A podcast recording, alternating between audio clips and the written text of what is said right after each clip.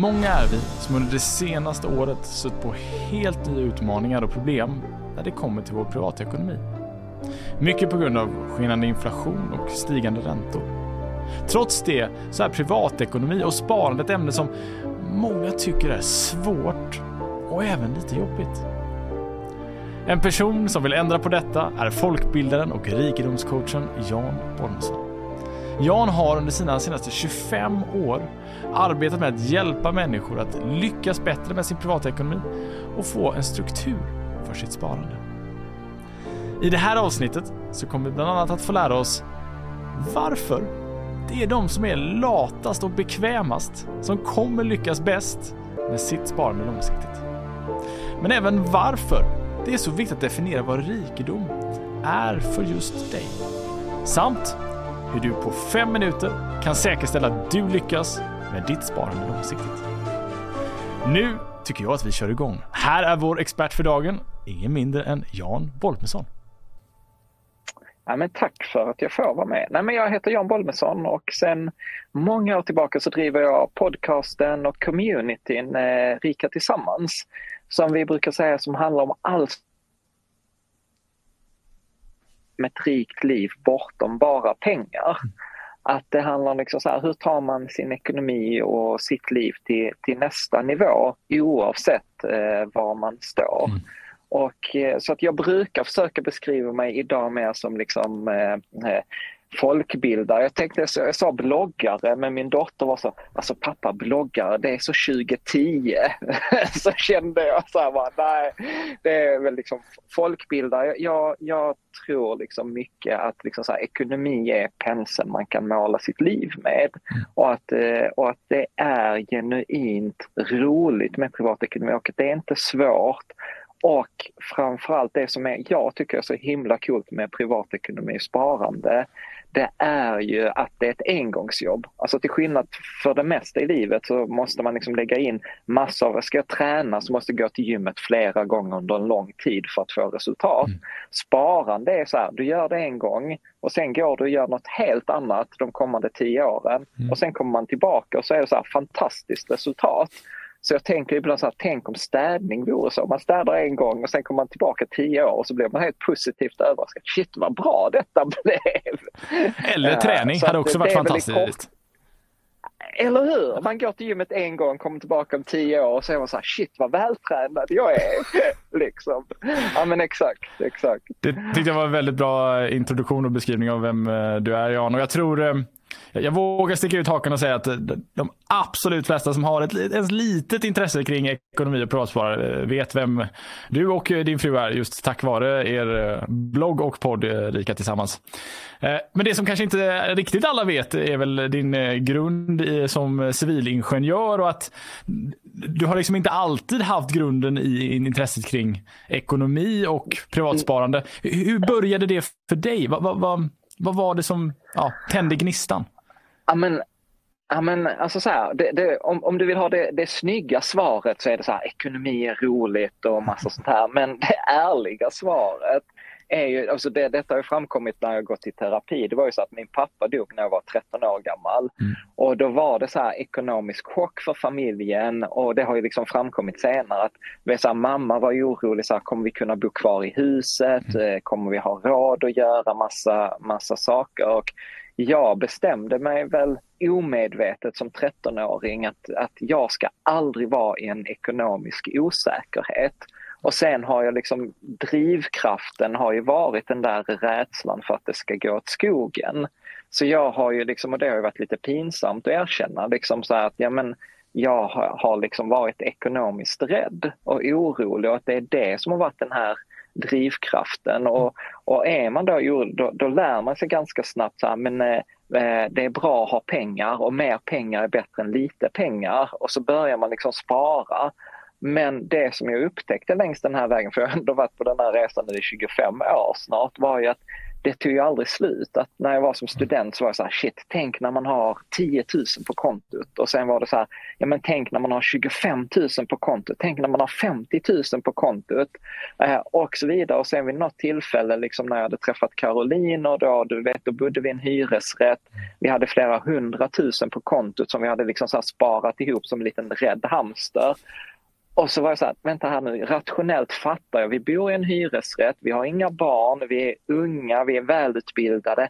Vad ska gå åt helvete som vi inte hade kunnat klara med 500 000?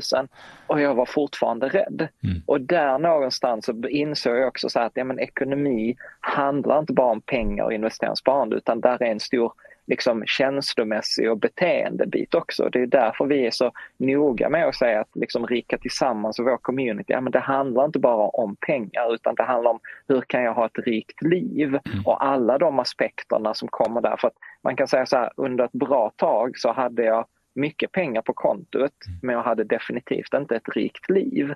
Och därav många av de här liksom funderingarna kring, kring men vad, vad är ett rikt liv då? Ja. Och att det är helt och hållet unikt för var och en. Mm.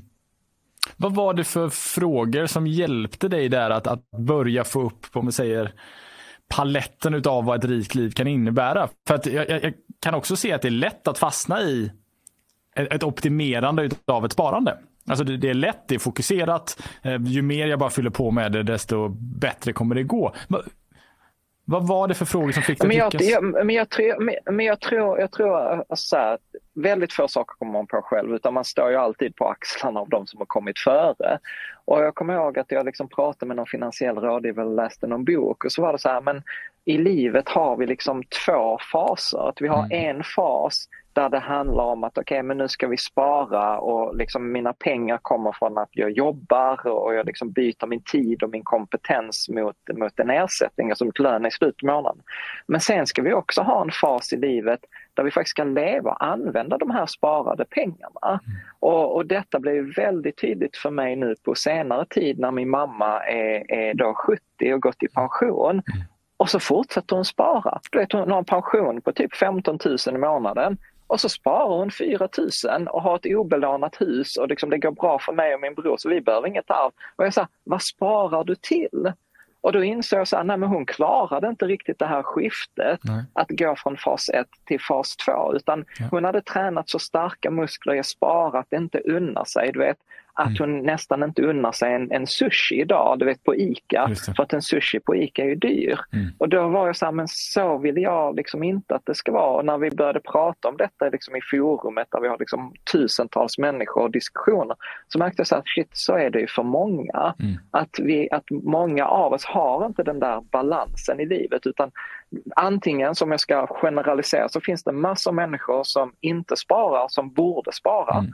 Och sen finns det massor av människor som sparar men som sparar lite för mycket, mm. kanske till och med översparar. Väldigt få människor sparar eh, på balans. Mm. Och då kan man fråga sig så här, men är det, är, det kan väl inte vara fel att spara för mycket? Och så är det så här, ja, fast för att om du ska spara, om du sparar för mycket, det betyder att du har du lagt tid och energi för att tjäna de pengarna extra om du sparar.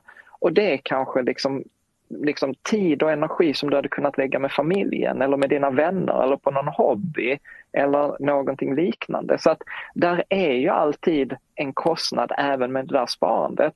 Och mm. tittar man på alla sådana liksom grafer eh, som liksom publiceras på varje år över människor som faktiskt sparar så är det så att förmögenheten ökar genom livet och människor är på riktigt som rikast när de dör. Mm. Och då är jag så här, men vänta här nu, är, är inte liksom, borde inte poängen kanske vara så här, men att försöka matcha det så att man typ har noll när man dör. Ja. Och då, då, reagerar vissa direkt så här, nej men eh, man ska ju lämna efter sig någonting. Och då säger jag så här, absolut, men då kan man också ta den här konversationen, arv i Sverige, de flesta som får arv idag i Sverige får det när de är över 50, mellan 50, 60, 65. Mm. För att det är ofta en generation så 20 år. Mm.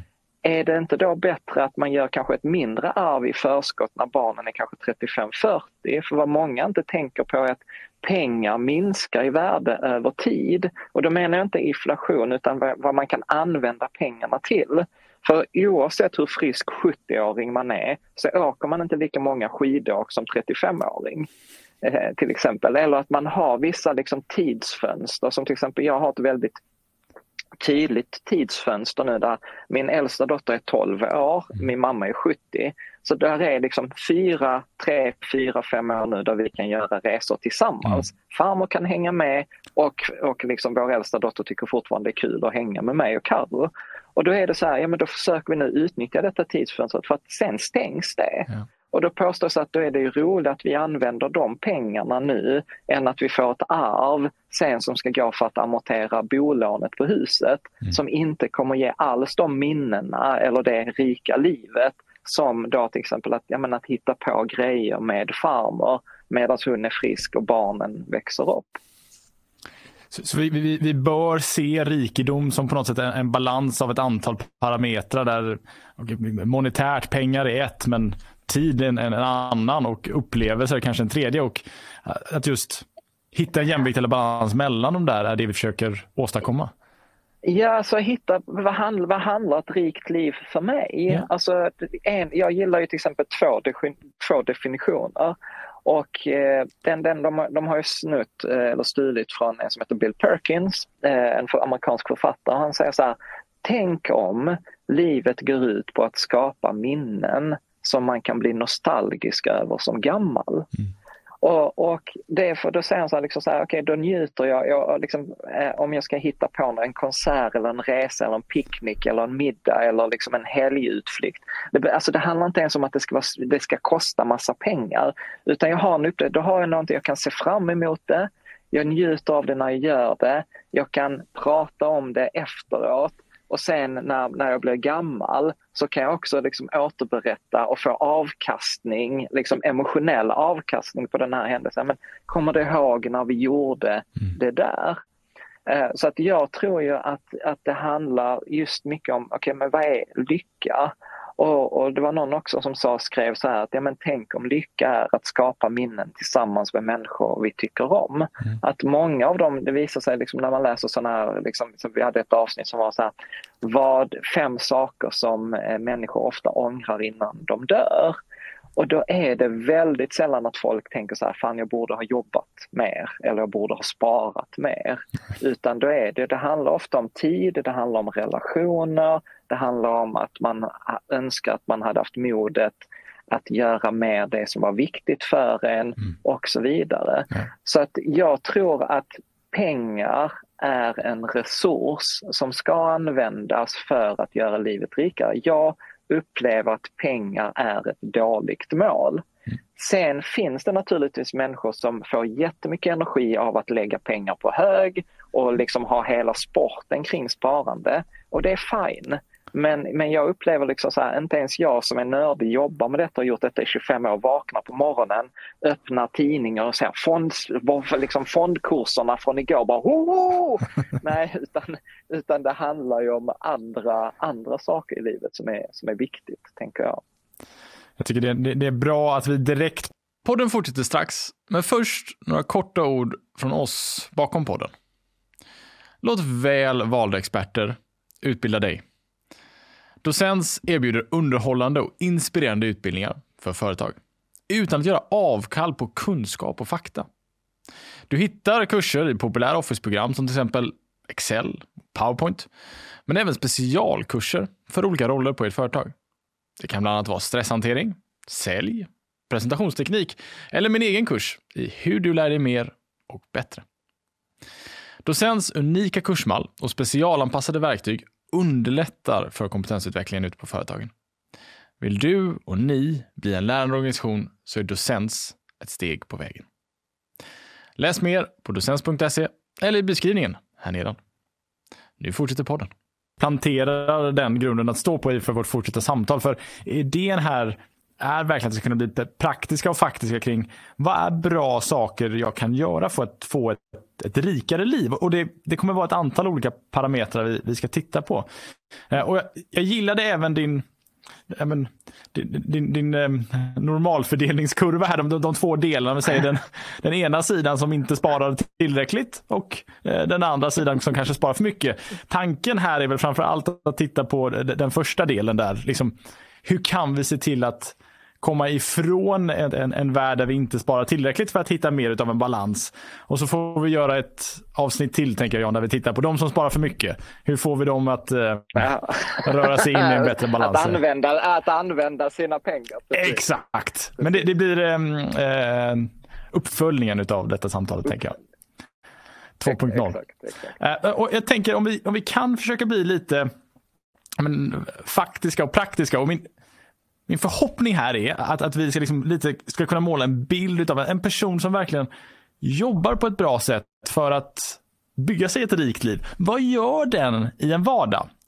Och där jag hoppas att vi kan titta på lite olika tidsaspekter. Om vi följer den personen en, en vanlig dag, vad är exempel på saker vi ser att den personen gör en vanlig dag? Vad är exempel som vi ser en, på en vecka, på en månad, kvartal? Och då är det både utifrån parametern att, att bygga sig rikedom i form av pengar. Vad, vad är exempel på beteenden jag kan göra där? Men också då kanske incheckningar i hur är min balans i form av tid med min familj? Vad tror du om det? Ja. Nej men alltså, ja, absolut. Ja, vi, det är det, jag älskar ambitionen. Tack! Jag är så här, det, det, det, detta har vi så här 327 avsnitt om. Vi har 45 Nej, om vi tar, minuter. Om vi tar de viktiga, exakt, exakt. Nej men om vi tar de viktigaste penseldragen så tror jag att det handlar om att verkligen så fundera på så här, vad är det som är viktigt för mig? Och sen finns det massor av olika trick. Och, och om vi tar eh, då till exempel eh, Eh, om vi tar exempel spendera pengar. För du var så här, vad gör man på veckobasis eller etc. Jag tror till exempel mycket, det finns en amerikan som heter Ramit Sethi, han brukar prata om så här att många av oss har regler, vi ska spara eller vi ska göra så där eller vi ska träna så många gånger. Men få av oss har regler för hur vi ska använda våra pengar och spendera våra pengar. Mm. Och en av hans teser är till exempel så här, spendera extravagant på det som är viktigt för dig och vara brutalt snål i det som inte är viktigt för dig. Så till exempel älskar du skor, gå bananas på skor inom ramen för din ekonomi. Alltså inte sms-lån eller något sånt. Men gå bananas köp dig, unna dig de där skorna. Mm. Men gillar du inte heminredning, nej men du vet håll det till ett minimum. Mm. Så att man går till extremerna liksom på det stället. Och sen har jag en annan kompis Moa som brukar också då fylla på där där man säger att ja, men titta på ditt kontoutdrag i slutet av månaden och, så, och, och, om du nu säger till exempel att skor eller träning eller hälsa är viktigt för dig, ta fram en markeringspenna och så se så här, kan jag, kan jag se liksom träningskostnader i mitt kontoutdrag? Om jag visade detta kontoutdraget för någon annan, mm. skulle de säga så här, nej men Jan du är intresserad av skor eller Jan du är intresserad av hälsa och träning så att man får lite ett bevis för sig själv att jag lägger faktiskt pengar på det som är viktigt för mig. Så att jag är ingen sån här snålbloggare att man ska leva på liksom existensminimum utan tvärtom återigen, pengar ska användas för att göra livet rikt. Och, och det kan vara så här att men, resor är viktigt, ja mm. men syns resor, barnen är viktiga, bra, syns barnen. Mm. Eh, och sen så tänker jag det andra, så det är på liksom när man tittar på utgiftssidan. Ja. Tittar vi på inkomstsidan så påstår jag att inkomstsidan är det absolut viktigaste. Att, att sträva efter att få så hög lön som möjligt. Mm. Att, eh, och det, det, handlar om allt från löneförhandla till att eh, faktiskt tyvärr, tyvärr så är det så i Sverige att det mm. enklaste sättet att höja sina inkomster är att byta jobb. Mm. Eh, för att din inkomst i Sverige styr så himla mycket. Det styr din pension, det styr vad du får för ersättning om du blir sjuk, eh, det styr eh, liksom hur mycket du kan spara till din pension, det, det styr vilken livskvalitet du har, det styr hur mycket du kan spara. Så att liksom, eh, just inkomsten är påstår jag underskattad och också om man tar det från så här principiellt håll du kan, eh, liksom, du kan max spara 100% av dina utgifter men det finns liksom ingen begränsning på hur mycket pengar man kan tjäna. Och, och där finns det ju massor av sätt förutom då lönerna, som till exempel att du vet, jag har folk i vår community som hyr ut sin bil eller hyr ut mm. verktyg eller du vet någon som tycker att jag tycker det är roligt att göra praliner så har de sålt praliner på liksom vid helger etc. Så att det finns ofta om man, vi är bara så ovana i mm. Sverige att leka på inkomstsidan utan så fort det handlar om ekonomi och någon tänker så här, oh, nu ska jag förbättra min ekonomi, så ska man direkt dra ner kostnader. Mm. Och jag är så här, ja men lägg absolut lite tid på kostnader och utgifter för det finns nästan alltid någon onödig grej. Mm. Men lägg minst dubbelt så mycket tid att leka med, med inkomsterna. Vad kan du mm. hyra ut? Vad kan du, Blocket hade en annons här om året som var så här, genomsnittliga svensken har prylar för 25 000 i sitt förråd som de inte ens använder. Nej. Vet. Och det finns ju liksom tjänster idag som Hygglu och, och massa sådant där man kan tjäna, eh, tjäna ihop eh, då pengar på att hyra ut sina grejer. Så det är det ena. Om vi kommer in på sparandet mm så finns det ju två, två sätt att göra det. Jag är ju ett stort fan av, eh, så här, jag hatar egentligen budget. Jag tycker budget är typ det tråkigaste som finns och jag har nog fortfarande inte träffat någon som är så här, åh, jag älskar budget. Utan, utan jag gillar det som faktiskt brukar kallas för omvänd budget eller reverse budget. Uh, och det handlar om att jag istället för att jag har budgeterat och sen så sparar jag det som blir över så gör jag tvärtom. Att jag säger så här, okej okay, men jag vill spara till exempel just nu 10% av min lön. Mm. Bara som ett exempel. Och sen det första jag gör då i slutet av månaden när lönen kommer, då har jag ett automatiserat sparande som direkt drar det spar, de tre, liksom till exempel 1000 kronor eller 2000 kronorna och flyttar dem då till ett bra sparande. Och vi kommer in på vad det är. Men eh, för att om jag gör detta automatiskt så ett, så kommer jag inte upptäcka det. Två, eh, jag kommer liksom anpassa min levnadsstandard till de pengarna som är kvar. Och nummer tre, då kan jag faktiskt konsumera upp de där pengarna med gott samvete. Mm. För jag behöver aldrig tänka så här, jag kunde sparat mer för att sparandet är redan omhändertaget. Så en av nycklarna är liksom, gör det automatiserat, gör det direkt när lönen kommer. Mm. Eh, och Eh, och sen då återigen energimässigt. Och då kommer vi till nästa fråga, okay, så vart ska, jag, vart ska jag investera? Vart är det jag ska föra över de här pengarna? Och det där var ju anledningen till att jag startade med då podden eller Rika Tillsammans då, det började som en blogg 2008. Och det var ju en frustration, så här, hur ska jag göra detta? För att 2008 då hade jag, eh, då var jag 27 år gammal och då hade jag lyckats tjäna jättemycket pengar, förlora allt, mm. tjäna jättemycket pengar, förlora allt. Alltså jag hade gjort det två gånger på 12 år. Mm. Första gången jag tjänade jättemycket, det var så här, du vet på gymnasiet så investerade, det var så här, jag gick på gymnasiet mellan 97 och 2000. Typ allt man köpte på börsen mellan 97 och 2000 gick ju upp. Mm. Alltså så här, vi investerade klasskassan i Ericsson-optioner, du vet fyrdubblades. Vi åkte på klassresa, ingen betalade någonting för det var så jävla mycket pengar. Jag var så här, kungen av aktier. Och sen kom då mars 2020, eh, tror jag det var så här, och allt bara rasade. Och sen var det så här, okej, okay, men det var något jag inte fattade här. Men sen lyckas jag göra om exakt samma grej mellan 2005 och 2008 mm. och det var så här, men vad är det jag inte fattade här? Och då insåg jag 2008 så här, experter vet inte. Mm. Finans, det är finansbranschen och rådgivare säger det funkar inte. Träffar man finansiell rådgivare så något överdrivet så känns det som att det enda de vill veta är så här, hur mycket pengar har du? Var har du dem och hur mycket av dem kan jag få? Så att jag kan förvalta och tjäna pengar eh, på dem. Eh, och, och, där blev jag liksom superfrustrerad och då Caroline, min fru som jag driver Riket tillsammans med, hon började doktorera. Inte i ekonomi utan på diabetes. Men då, då märkte jag så här, shit hon har ett helt annat förhållningssätt till att lära sig grejer utan hon är så här superstrukturerad, läser vetenskapliga artiklar, du vet när Novo Nordisk säger någonting så säger de så här, men det där är ingen forskningsartikel, det är en partsinlaga. Och jag var så här, jag har inte ens tänkt på att det är en skillnad mellan de två. Och då, då noterade jag så här, men vänta här nu, forskningen är väldigt tydlig. Den finansiella forskningen har varit tydlig sedan 70-talet mm. om hur man bör investera sina pengar. Och det intressanta är att det är totalt motsats mot vad finansbranschen säger att vi ska göra. Finansbranschen säger så här, åh du vet du ska följa med, du ska läsa Dagens Industri, du ska läsa de här analy eh, analyserna, du ska vara aktiv och du ska följa med och du ska göra din egen analys. Och jag var så här, men vänta det är det jag har gjort i 12 år, det funkar inte. Och de här analytikerna som sa att detta kommer bli jättebra bolag, ja de har ju bara rekommenderat massa nya bolag. De har ju inget eh, liksom, eh, ja, vad heter man, skin in the game.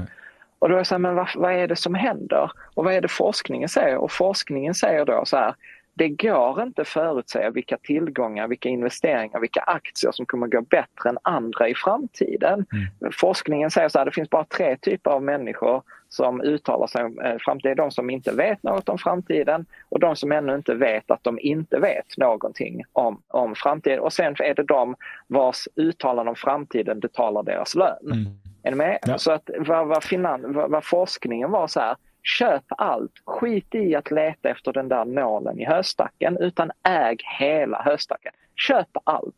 Om du köper allt då kommer något kommer gå bra, något kommer gå dåligt men som helhet kommer det gå som den ekonomiska utvecklingen i världen. Mm.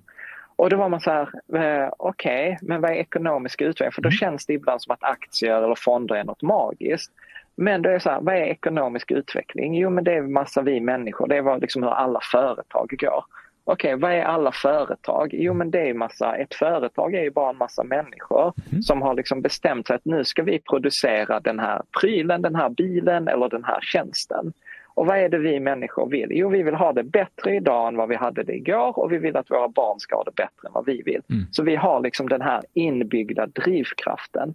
Så att investera, om du köper liksom då aktier i alla bolag, då har du liksom fångat den mänskliga drivkraften. Mm. Så att, att investera i en aktie eller liksom då som jag säger i, i, en global indexfond, det är inte att investera i något magiskt, det är att investera i den drivkraften som vi alla människor har och bär med oss. Mm. Och rent praktiskt då, hur fångar man då den här ekonomiska utvecklingen i världen? Och då gör man det genom det som forskningen sa kallar för då en indexfond.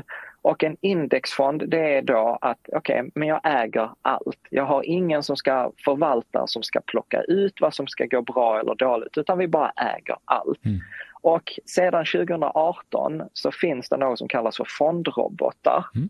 Eh, och där finns det två stycken fondrobotar som jag tycker är superbra i Sverige som heter Lysa och Opti. Och vad, och vad de gör är ju att de gör precis detta, för det kan låta lite magiskt, fondrobot, är det då en robot som ska välja ut? Nej, den här fondroboten gör att den tar din hundralapp och sen så sprider den ut den här hundralappen på 10 000 bolag i världen. Så du får liksom så här, några ören Hennes och Mauritz, några ören SEB, några ören Samsung, några ören Apple, några ören av världens 10 000 största bolag. Mm. Och sen kommer det fina. Sen bara låter du det vara. För vad forskningen säger är så här.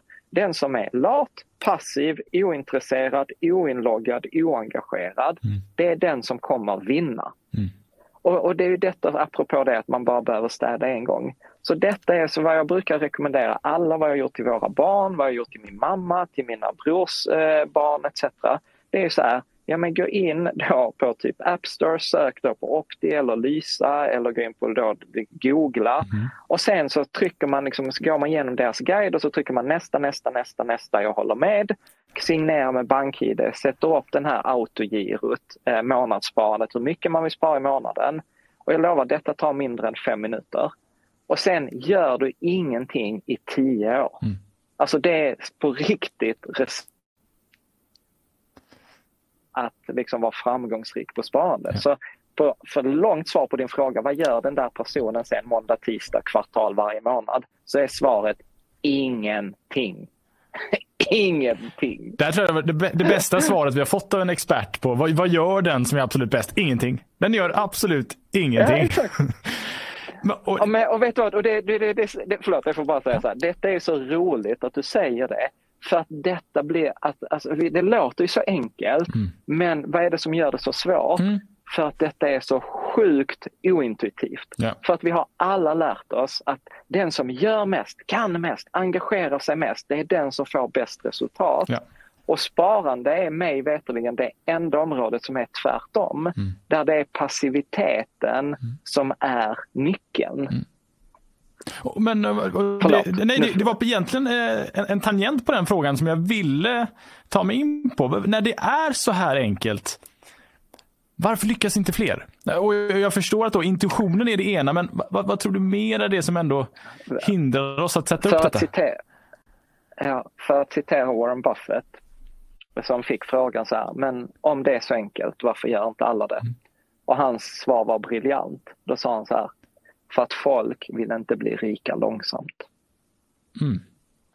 Podden fortsätter strax, men först några korta ord från oss bakom podden. Vilken effekt får dina utbildningar på dina deltagares vardag? Vilka nya beteenden och vanor skapar de när de kommer tillbaka till sin vardag efter din utbildning?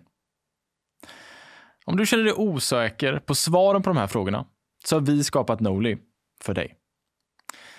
Vi på Noli har utvecklat ett digitalt verktyg där du som ansvarar för en utbildning kan erbjuda dina deltagare personliga lärresor som stöttar dem före, mellan och efter era träffar. Optimalt i era ledarprogram, men också för er onboarding där inte bara medarbetarna utan också medarbetarnas chefer får rätt stöd i precis rätt tid.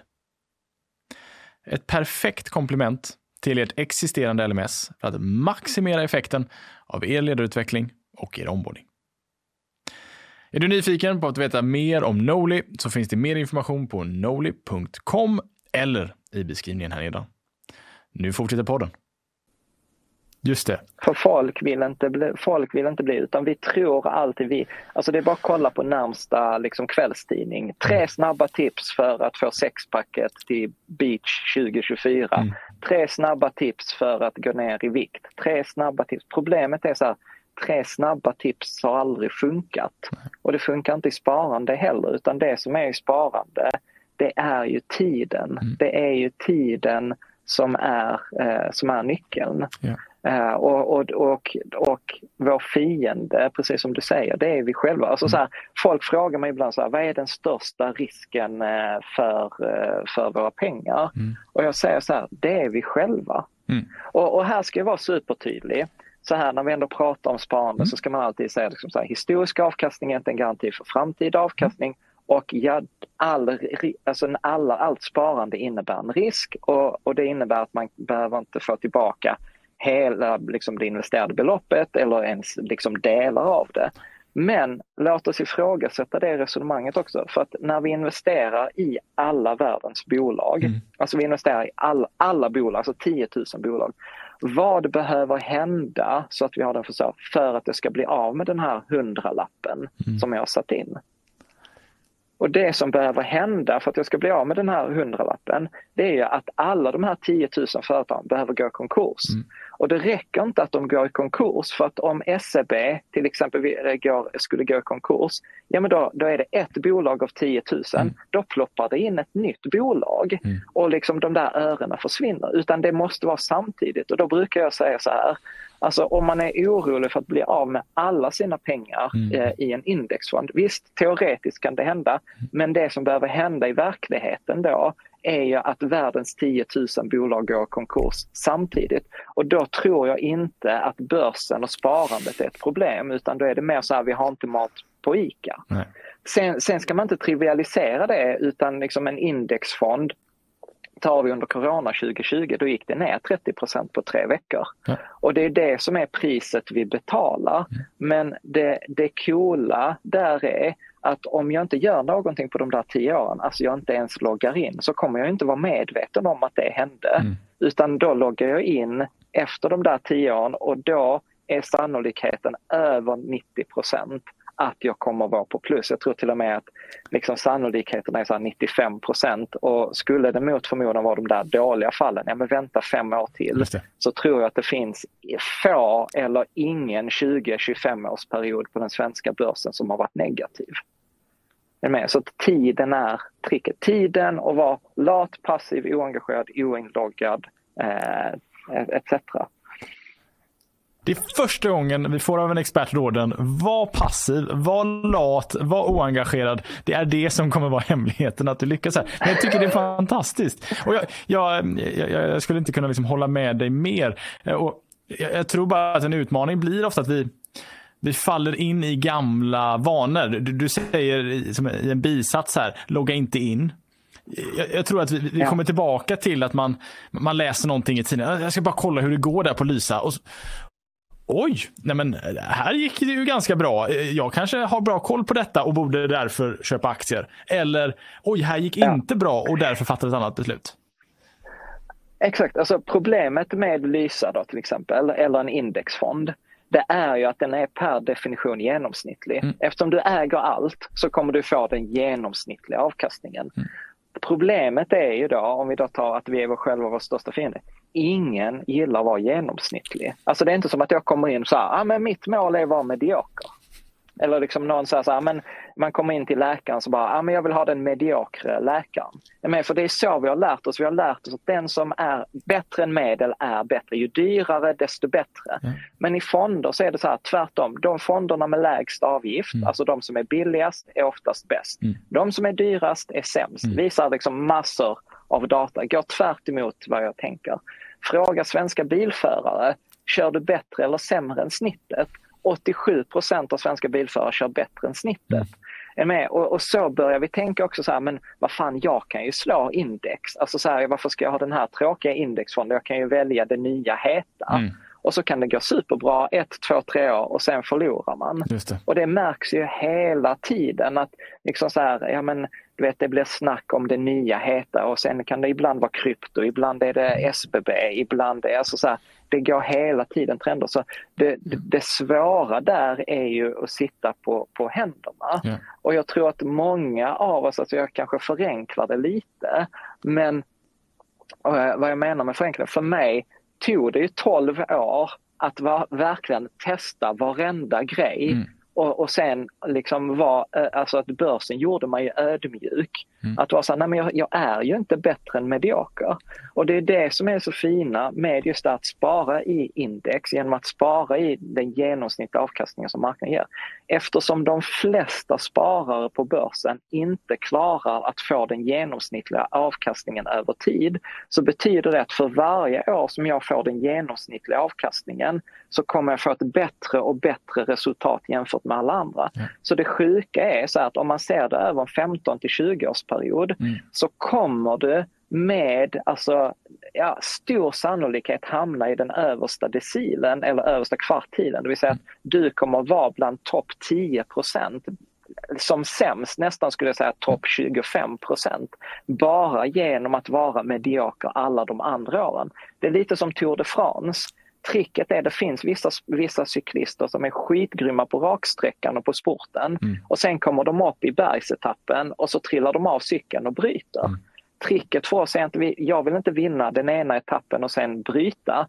Utan, och jag vill liksom inte vara bäst på det ena och förlora på det andra utan jag vill vara den där mediokra cyklisten som hela tiden kommer in, avslutar loppet mm. och efterhand som de andra trillar bort så kommer det ju bara bli jag kvar. Ja.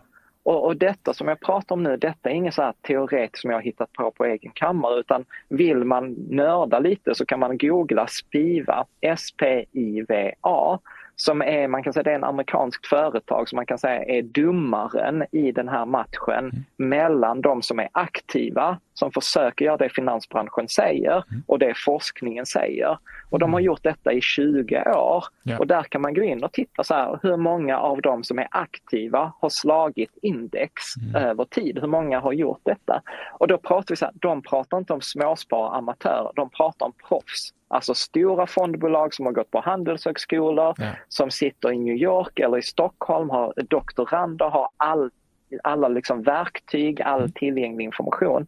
Och på 10, 15, 20 års sikt så mindre än, liksom, eller så här, fler än 9 av 10 professionella förvaltare slår inte index. Mm. 9 av 10 professionella förvaltare slår inte index.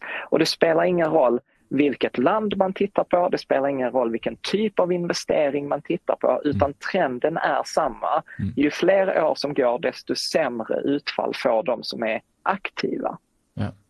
SPIVA, bara googla SPIVA så kan man, så kan man eh, leka, jättebra hemsida. Eh, och så kan man visa den när man träffar sin bank mm. eller sin aktieintresserade farbror så, så skapar man dålig stämning. Nu, äh, ja, äh, en sak som bara slår mig direkt här. En person som sitter och lyssnar och känner igen sig i beskrivningen. Oh, ja, det här tycker ju inte jag är intressant, kul. Jättebra grattis, lösning för mig. Säger det jag verkligen, då. eller hur? Superskönt. Det här känns så bra. Men ponera att jag är en av de som lyssnar och tänker, men jag tycker ju att det här är lite kul. Jag, jag, tycker att det är roligt att få göra vissa av de här sakerna. Vad är då tips och råd till den som sitter och tänker så? Absolut, det är inget fel på att ha en hobby. Alltså människor har häst som hobby. Kostar massor av pengar att ha häst som hobby. Men folk har inget emot att en häst kostar för det ger dem massa mervärden. Så är det naturligtvis för de som har sparande som hobby också. Det mm. jag brukar säga till, till dem är så här, tänk om det inte är antingen eller. Tänk utan det fina med pengar är att man kan alltid göra både och. Och så brukar jag säga så här, för skojs skull, sätt av en del av dina pengar då till en indexfond mm. och jämför dig med den här indexfonden över tid. Och då kommer det liksom, den tråkiga nyheten är att över 10, som när jag konstaterar efter 12 år, så inser jag så här, shit vad mycket tid jag har lagt och shit vad jag var mycket sämre än index. och då konstaterar man så här, men vänta, vill jag fortsätta med detta? Eh, eller inte. Så att det är inget fel på en hobby, fortsätt, men var ärlig mot dig själv och sen som jag till exempel, jag tycker också det är jättekul med ekonomi. Men då har vi avgränsat att här, min pension och det viktigaste delen av vårt sparande, ja men det är indexfonder eller då på Lysa. Ja. Och sen resten, Ja men det är en liten eh, spekulationshink eller en liten lekportfölj och där kan jag få köpa den där eh, halva eller decimaltalen av eh, kryptovaluta eller jag till exempel, jag gillar vin, champagne så att jag kan vi investerar i vår spekulationshink i, i champagneflaskor. Liksom. Och så brukar jag säga så här, behöver vi pengarna eh, så säljer vi dem, behöver vi inte pengarna då blir det fest. liksom. Då, då, då blev det väldigt tydligt vad avsnitt tre tillsammans kommer handla om. Det är champagne och champagneinvesteringar. Perfekt. precis. precis. Avrådes från i allt annat som en, som en lek. Liksom. Och, och, jag, jag, tycker väldigt mycket om det, den, det begreppet eller etiketten som, som du, jag vet att du använder ofta. En lekhink. Alltså att, att vi placerar en viss summa pengar som vi får ha som en hobby. Vi får se att vi, vi leker med det. Går det bra? jättekul. Eh, men det, det, är kanske inte det jobbet som lekhinken ska ha utan det är istället ett, en investering i min hobby. Exakt. För att det gör mitt liv rikt, för att det är en ball historia. Jag har till och med skrivit så här, eh, häromdagen så hade vi en diskussion på forumet om eh, eh, Vita arkivet. Alltså mm. det här som skickar, om man dör, hur vill man ha den, liksom ens begravning etc. Och så skickas det ut om man dör. Då skrev jag så här, jag vill inte att min begravning ska vara något eh, liksom, trist, alltså jag har levt ett fantastiskt liv. Och då skrev jag specifikt så här, jag vill att det ska vara fest, och är det så att jag inte har druckit upp min champagne, då ska det bjudas på champagne på de här flaskorna. Så var det någon kompis som jag vet inte fan om det hade kommit någon på din begravning, men nu när det är gratis champagne, vi kommer. Det är det farliga också nu när det här är publikt. Det kommer vara en väldigt stor uppslutning Exakt. till den här eventuella begravningen i framtiden. Ja. Eh, eh, exakt, exakt. Det, jag, jag skulle också vilja knyta an lite där vi började vårt samtal kring, kring rikedom. Alltså vi pratar om att det är ett antal olika liksom, parametrar som vi tittar på. Hur, hur jobbar du för att, om vi säger bokföra eller på något sätt checka in i din status för de olika parametrarna? För det, det monetära och finansiella är ju ganska visuellt. Vi kan se om vi säger, balansen, vi kan sätta tydliga kvantitativa mål. Hur jobbar du för att veta hur balansen är med de andra parametrarna? Tid, familj och så vidare. Alltså det finns, det finns många olika sätt. Ett väldigt enkelt sätt är ju att göra det som kallas för ett sånt här livshjul eller coachhjul. Mm. Alltså att man gör eh, liksom ett, ett, en cirkel och sen så sätter man liksom så karriär, familj, jobb, hälsa etc. Och sen så sätter man ett betyg 1 till 9. Och så gör man detta två gånger om året mm. Eh, etc. Och så kan man ju se förändringar. Men jag hade karriär 8 i januari och nu har jag hälsa eh, liksom etc. Men, men jag och Caroline försöker väl också, nu har vi varit lite slarviga på senaste tiden, men att ha kanske så här depåstopp en gång om året eller två gånger om året, ofta i samband med midsommar eller nyår, mm. att reflektera så här, vad är det som har varit bra? Vad vill vi tillsammans? Eh, till exempel som nu jag och vi har ett hälsoprojekt för att vi insåg så här, nej men jag gillade inte riktigt det som jag såg när jag tittade mig själv i spegeln och jag märkte nu när jag skulle leka med femåring att jag får ont i knäna. Mm. Så jag sa, fan jag kanske ska börja träna eh, tillsammans nu och så, så liksom leka tillsammans på det sättet.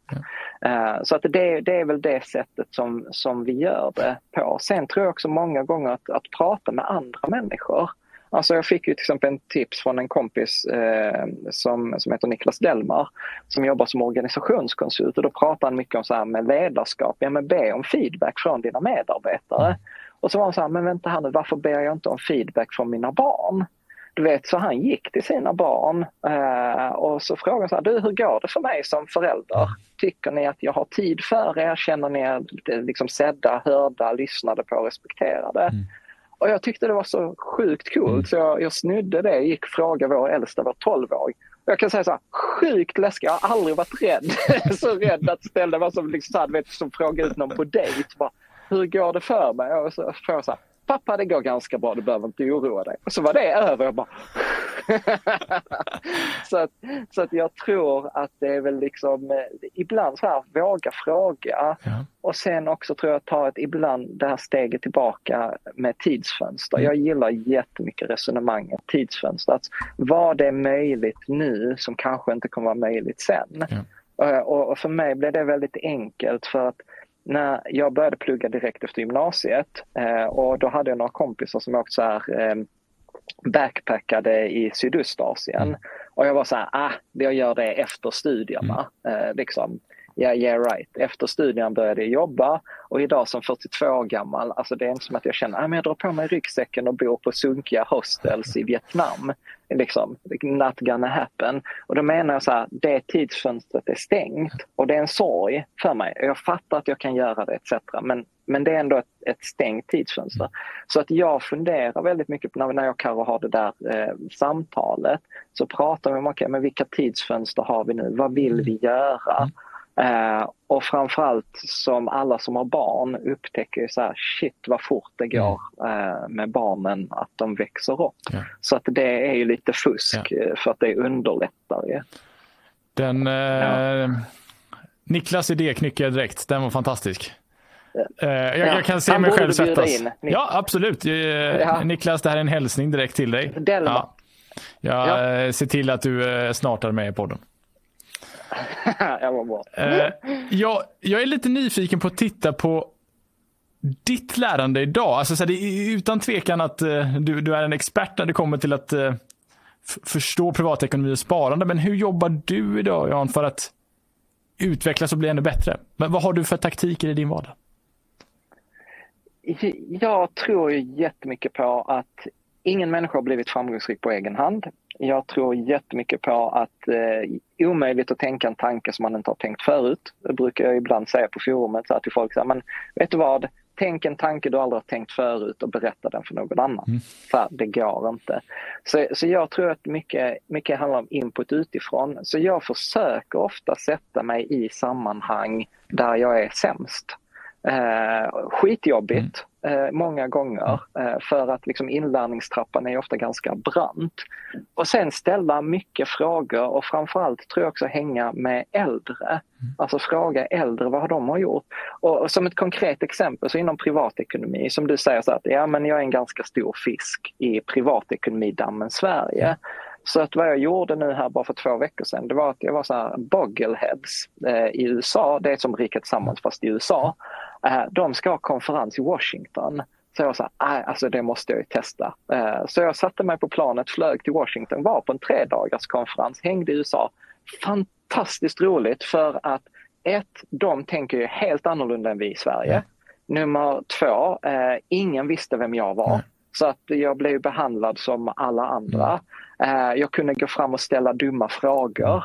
Eh, alltså jag tyckte det var helt fantastiskt och jag fick också helt nya perspektiv. Till exempel, vi klagar så ofta i Sverige på exempel svenska pensionssystemet. Och jag är så här, alltså det svenska pensionssystemet är fantastiskt. Alltså i Sverige är det till och med så här, du behöver inte spara en krona privat mm. Och när du går i pension så kommer du få 60 till 65 procent av din slutlön mm. eller en viss liksom, miniminivå. Och då kan folk tycka så här, shit 60% av min slutlön. Eh, och så känns det jättedåligt. Mm. Men återigen, gå inte på känsla, titta på fakta.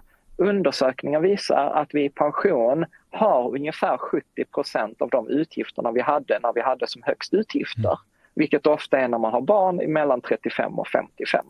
Så att de där 60 procenten som folk tycker är skitdåligt i pension är ju ofta där man hamnar. Och då tänker jag så här, du vet, du vet när jag berättade detta för amerikaner, så här, nej men du vet vi har ett svenskt pensionssystem och de där, du behöver inte göra något själv. Och bara, nej, och, vem, och är det inflationsjusterat, vem sköter det? Bara staten.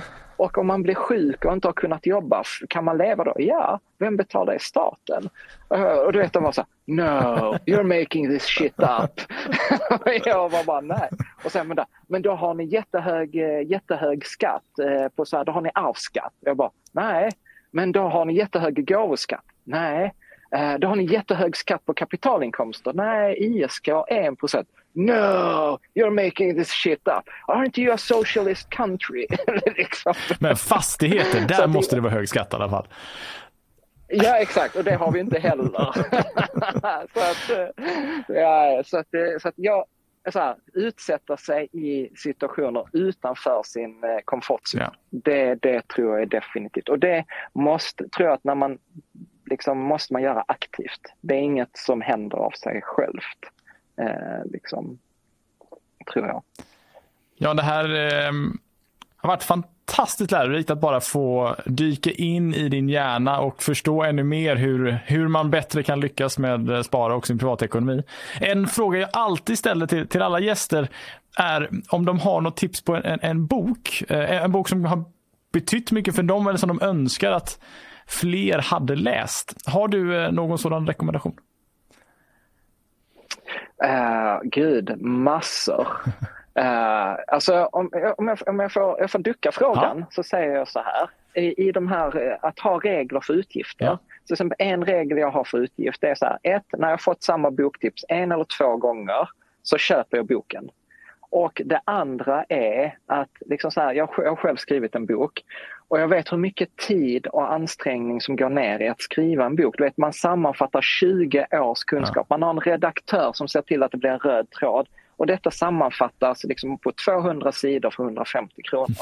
Alltså det finns inget som kan vara så livsförändrande som att läsa en annan liksom, bok.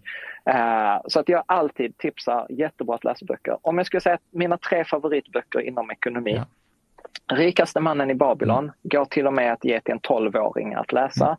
Nummer två, Rich Dad Poor Dad av Robert Kiyosaki som han helt förändrar sättet att se på det här med pengar, till exempel att vi pratar i början med inkomster och utgifter. Och sen om man vill ha mer konkret kring sparande och investeringar så är det en bok som heter Just Keep Buying av Nick Maggiuldi. Mm. Uh, och den sista som handlar mer om psykologiska, detta vi har pratat om ett rikt liv och beteende och ekonomi, då är det Psychology of Money med Morgan Housel. Så då har man lite olika områden om man vill gå vidare här i ekonomin. Men det här är också jättebra, som vi inte ska göra någonting med ekonomin, vi ska bara vara lata så kan vi lägga all den tiden på att läsa de här fyra boktipsen istället. Ja, Absolut, och det roliga är att typ ingen av dem säger något annat Nej. än det som vi pratar utan allt det där, alla, tre av de där fyra böckerna handlar om att ha, skapa sig ett rikt liv. Ja. Vilket jag tror är det som borde vara målet för de flesta av ja. oss. Jan, jättetack för att du varit med oss idag. Tack för all din klokskap, klokskap och för att du delade med oss. Jag eh, ser fram emot eh, uppföljningen då vi ska ta alla de som sparar för mycket och få dem att spara mindre och sen eh, kanske ännu mer uppföljning tre där vi pratar champagne och vi investerar i det. Exakt. Stort tack för att jag fick vara med och till dig som lyssnar ställ frågor. Mm. Våga ställa frågor. Du kan ställa säkert frågor hos er eller i Riket Sammansforumet. Jättebra. Ha det gott.